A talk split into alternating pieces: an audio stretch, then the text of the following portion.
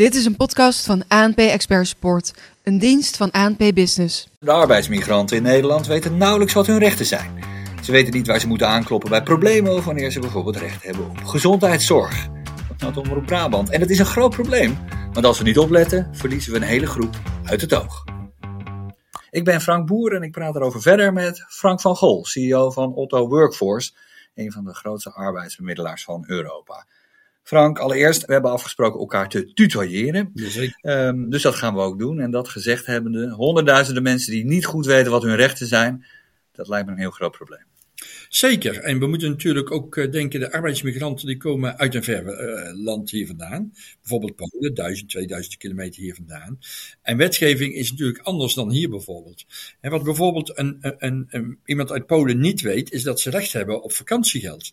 Wij, zij kennen namelijk geen vakantiegeld. In Duitsland kennen ze bijvoorbeeld ook geen vakantiegeld. Nee. Nou, en als je dan uh, niet weet dat je er recht op hebt en je hebt toch wel een, een malafide werkgever of wat dan ook, die denkt van nou ja, als ze het toch niet weten, dan uh, ga ik het ook niet uitbetalen. Ja, dat kan natuurlijk ja. niet. Want dat is wat er gebeurt. Die werkgevers die maken eigenlijk misbruik van de onwetendheid van deze arbeidsmigranten. En uh, moet ik het me dan zo voorstellen dat zij uh, bijvoorbeeld 8% van het vakantiegeld in hun zak steken? Die werkgevers, ik noem maar eens wat. Nou ja, dat kan hè. En als je dan ook eens een keer 8% en je telt de sociale lasten over. En dan praat je alleen maar over minimumloon. Dan gaat het over anderhalve euro per uur. Uh, wat ja. een voordeel is voor deze malafide werkgever. en aan de andere kant is hij ook nog eens een keer het landschap waarin dat hij zit. Hè, je krijgt een eerlijk speelveld meer tussen bijvoorbeeld bedrijven. Dus hij is uh, uh, niet alleen de, uh, zijn medewerker aan het bedonderen, maar in feite ook zijn collega. Ja, want hij maakt gewoon veel meer winst op een oneerlijke manier. Ja. Wat voor, wat voor uh, uh, uh, ja, kan je voorbeelden geven van op wat voor manier deze mensen opgelicht worden? Om ja, goed, daar maar eens mee te beginnen. E eerst eventjes, hè, want dat is natuurlijk ook belangrijk. Hij, gaat veel goed. Ja. En natuurlijk het slechte nieuws haalt altijd de media. Ja. En het goede nieuws dat er veel goed gaat, dat haalt de media niet. He, en, en, we moeten ook zeggen, in, in, ik zeg altijd in 80% van de gevallen op dit moment met arbeidsmigranten gaat het goed. Er zijn bepaalde zaken dat we niet blij zijn, is de koppeling tussen wonen en werken. Hè. Dan moet je in, in, in, feite, vroeger was dat natuurlijk, of bij jou is dat bijvoorbeeld ook niet, dat jouw werkgever zorgt voor jouw huisvesting. Dus dat moeten we eigenlijk zo, zo snel mogelijk zien te scheiden. Maar we weten ook dat er gewoon grote tekorten zijn. Als, als je uit een uh, land als Polen hier naartoe komt, ja, dan heb je niet zomaar morgen een huis. Nee. Dus dat, dat moeten we ook in ogenschouw uh, nemen. Er gaat veel goed, maar er gaat te veel mis. Ja. En dat moeten we aanpakken. Ja, precies. En, uh, en, wat, uh, en, en, hoe gaan we dat aanpakken? Ja, uh, daar is natuurlijk de overheid al heel lang uh, mee bezig. Ik denk dat we een fout hebben gemaakt. Al in de vorige eeuw, in 1998, hebben we bijvoorbeeld de uitzendvergunning hebben afgeschaft. Uh -huh. uh, in, in, België hebben we bijvoorbeeld nog steeds een uitzendvergunning.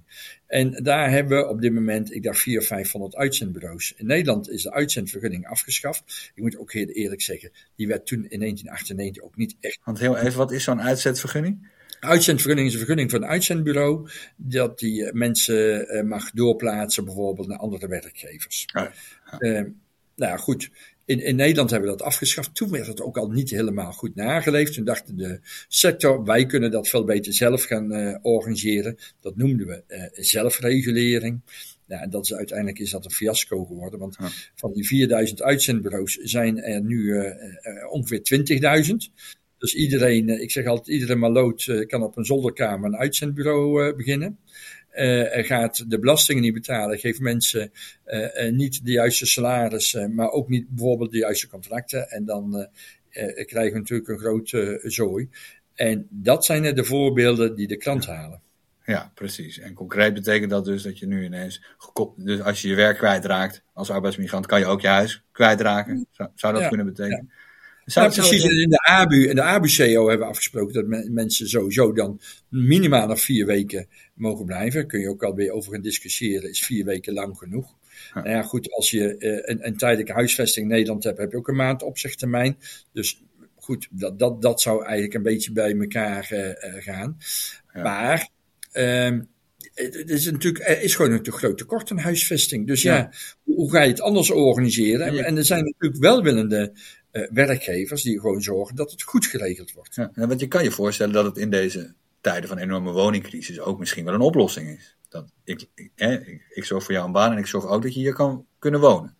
Ja, alleen we moeten oppassen dat we dat niet gaan doen in de woningen die bedoeld zijn voor de Nederlandse starter en voor de Nederlandse woningzoekende. Mm -hmm. En om ze tijdelijk zijn, ben ik altijd een voorstander. Maak dan ook tijdelijke huisvestingscomplexen waar ze met z'n allen bij elkaar kunnen wonen. Waar je kunt zorgen voor algemene ruimtes, voor een stukje goed beheer, maar ook informatiepunt voor mensen die van ver weg vandaan komen. Waar is de dokter, waar is de tandarts? Als ze vragen hebben hoe dat, bijvoorbeeld ook zelfs een salarisstrook in elkaar zit, dat ze dat altijd bij iemand op die woonlocatie, dat ze daar terecht kunnen. Maar je vroeg net, wat moet er nu gebeuren? Um, ik, denk dat belangrijk is, en uh, wij, wij hebben ook een plan gelanceerd, het Deltaplan uh, Grip op arbeidsmigratie. En het plan staat dat het allemaal beter gereguleerd moet worden. En 1 januari 2026 krijgen we een nieuw toelatingssysteem voor um, uitzendbureaus. Nou, daar zijn we al blij mee. Men moet 100.000 euro betalen voordat uh, mijn uitzendbureau kan beginnen. Dus die maloot waar ik het net over had op die zolderkamer, die kan zomaar niet beginnen. Nee. Uh, die moet eerst maar 100.000 euro bij elkaar sprokkelen, dus dat zal hij niet zo snel doen. Maar het, het, het gaat ook veel verder eh, op, op nou ja, goed, de, de inlener, dat die ook verantwoordelijk wordt, dat de juiste salaris worden betaald. En ik vind dat er nog aan toegevoegd moet worden dat naast een hogere pakkans, dat de boetes ook veel hoger worden. Ja. Want als jij maar een hele hoge boete krijgt, dan, uh, uh, ja, dan laat je het wel, uh, of dan ga je in ieder geval niet het risico nemen, als je 8000 euro boete per persoon krijgt, om dat je dat misschien in, ja, dat dat bij jou kan gebeuren, want dan ben je ook zo fiet. Ja, want hoe zijn die boetes nu? Hoe is dat nu geregeld? Als ik als uh, arbeidsmiddelaar uh, de boel, de, de wet overtreed. En uh, nou ja, ik benadeel daarmee dus mensen, hè, de, de, de migrant zelf, de arbeider zelf. Maar ik benadeel ook mijn concurrentie. Het wordt oneerlijke concurrentie, ja. want ik kan veel voor, hè, voor, voor minder um, werk aanbieden. Hoe, wat, wat krijg ik dan concreet op mijn bord? Ja, je hebt, je hebt eigenlijk twee gradaties. Uh, de arbeidsinspectie gaat met name over het WML. Betaal je onder WML, betaal je dat vakantiegeld niet.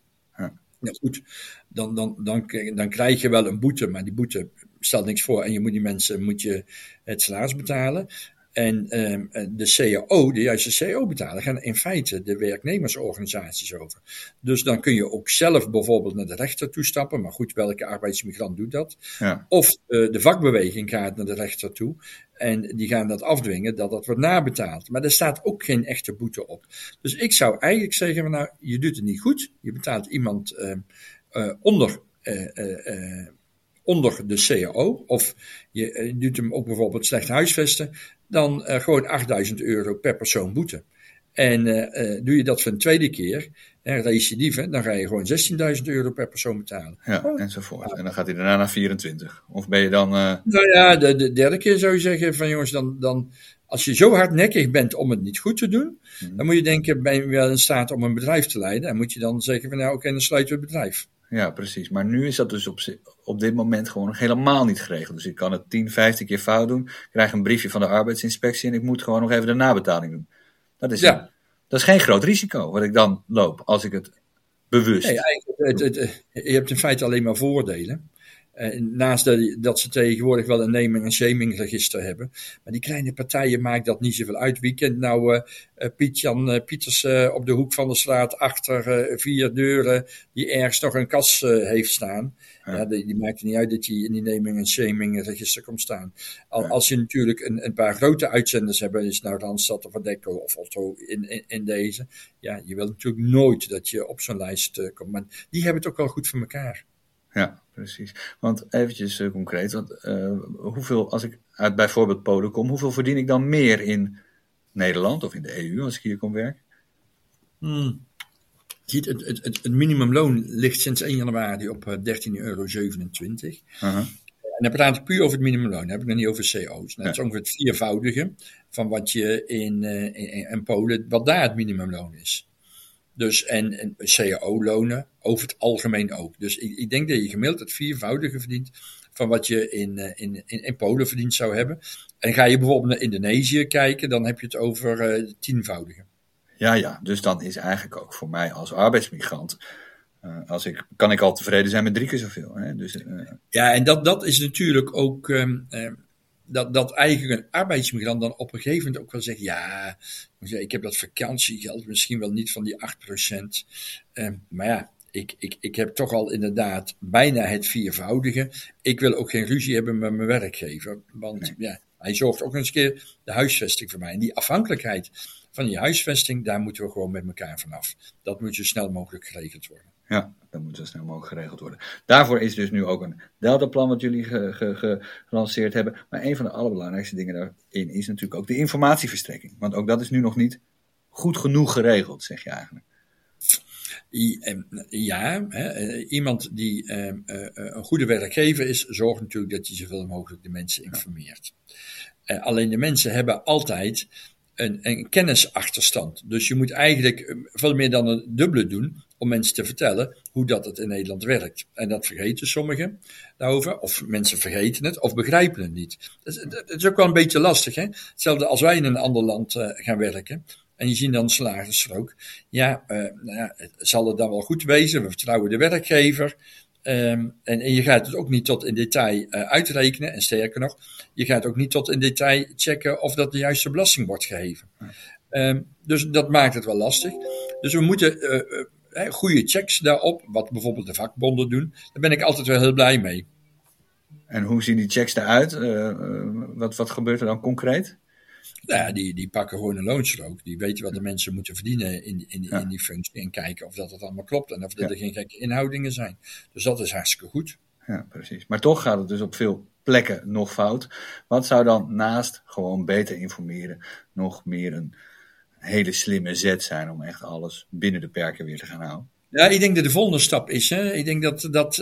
We hebben nu over vergrijzing. We hebben het over arbeidsmigranten die veelal van binnen Europa komen. Die vrij verkeer van reizen hebben. Die kunnen hier komen werken.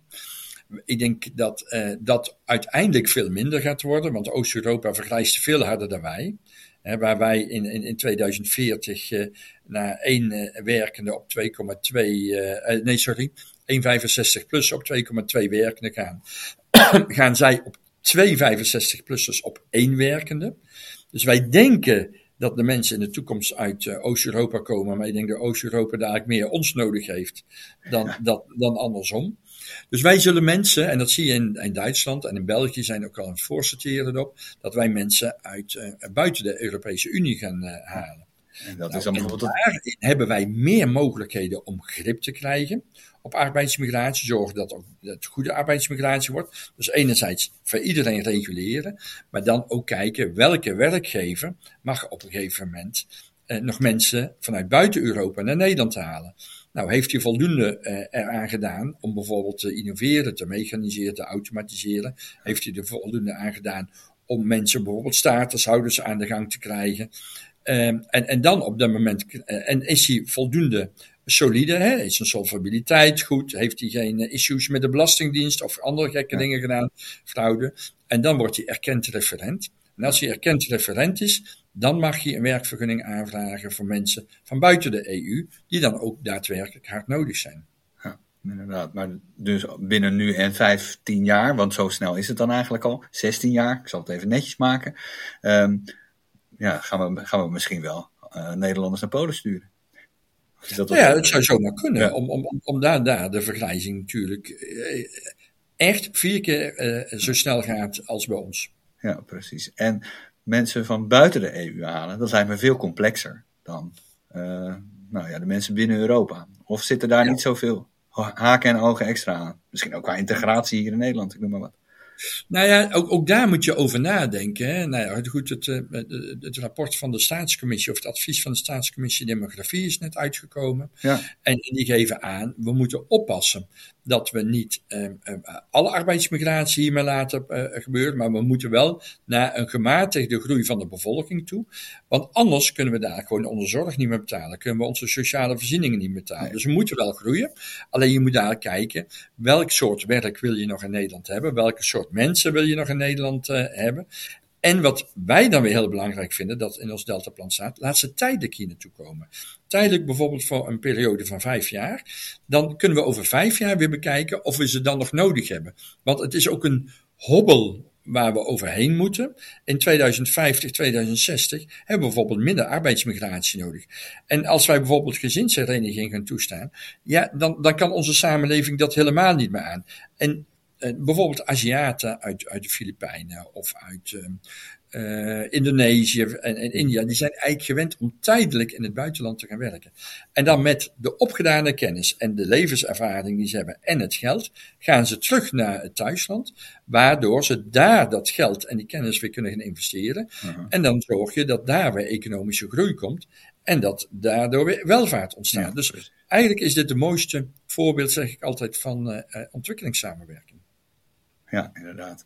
Uh, want inderdaad, uh, dat uh, um, rapport dat uitkwam, dat was van een commissie die zei: we moeten in 2050 niet meer dan 20 miljoen mensen hebben in Nederland. Um, dat zijn er nu, geloof ik, als ik het goed zeg, 18 miljoen. Dus daar moet ja. een behoorlijke rem op die groei. Um, maar eerst het Delta-plan voor nu. En dat is vooral heel goed blijven informeren. En deze Oost-Europeanen die het nu nog zijn, nu nog wel goed bijspijkeren over wat hun rechten zijn. En in ieder geval goed reguleren. Ja. En dan goed reguleren. Weet jij wie er allemaal bij je werkt? Uh, jammer genoeg niet. Ik, ik, ik weet nog het eerste jaar dat wij Otto uh, hadden, dat ik elke flexmedewerker kende. Ja. Uh, nou, inmiddels 20.000 is een beetje wat lastig. en er zijn ook duizend stafmedewerkers, dus dan is het ook wat lastiger. Ja. Maar ik, ik ben wel heel erg toegankelijk voor mijn mensen. Ja. Dus of via app, of via Facebook, of wat dan ook. Wij, wij zitten in een. We hebben allemaal flexplekken bij ons op het kantoor. Deuren staan open, het is heel transparant. Dus ik hoop altijd dat mensen gewoon lekker binnenkomen waaien. Precies. Frank van Gol was dit, CEO van Otto Workforce, een van de grootste arbeidsbemiddelaars van Europa. Dankjewel voor je tijd, Frank. Graag gedaan. Dit was een podcast van ANP Expert Support, een dienst van ANP Business. Deze expert staat in de bronnenbank van ANP. Zie ook anp.nl/experts.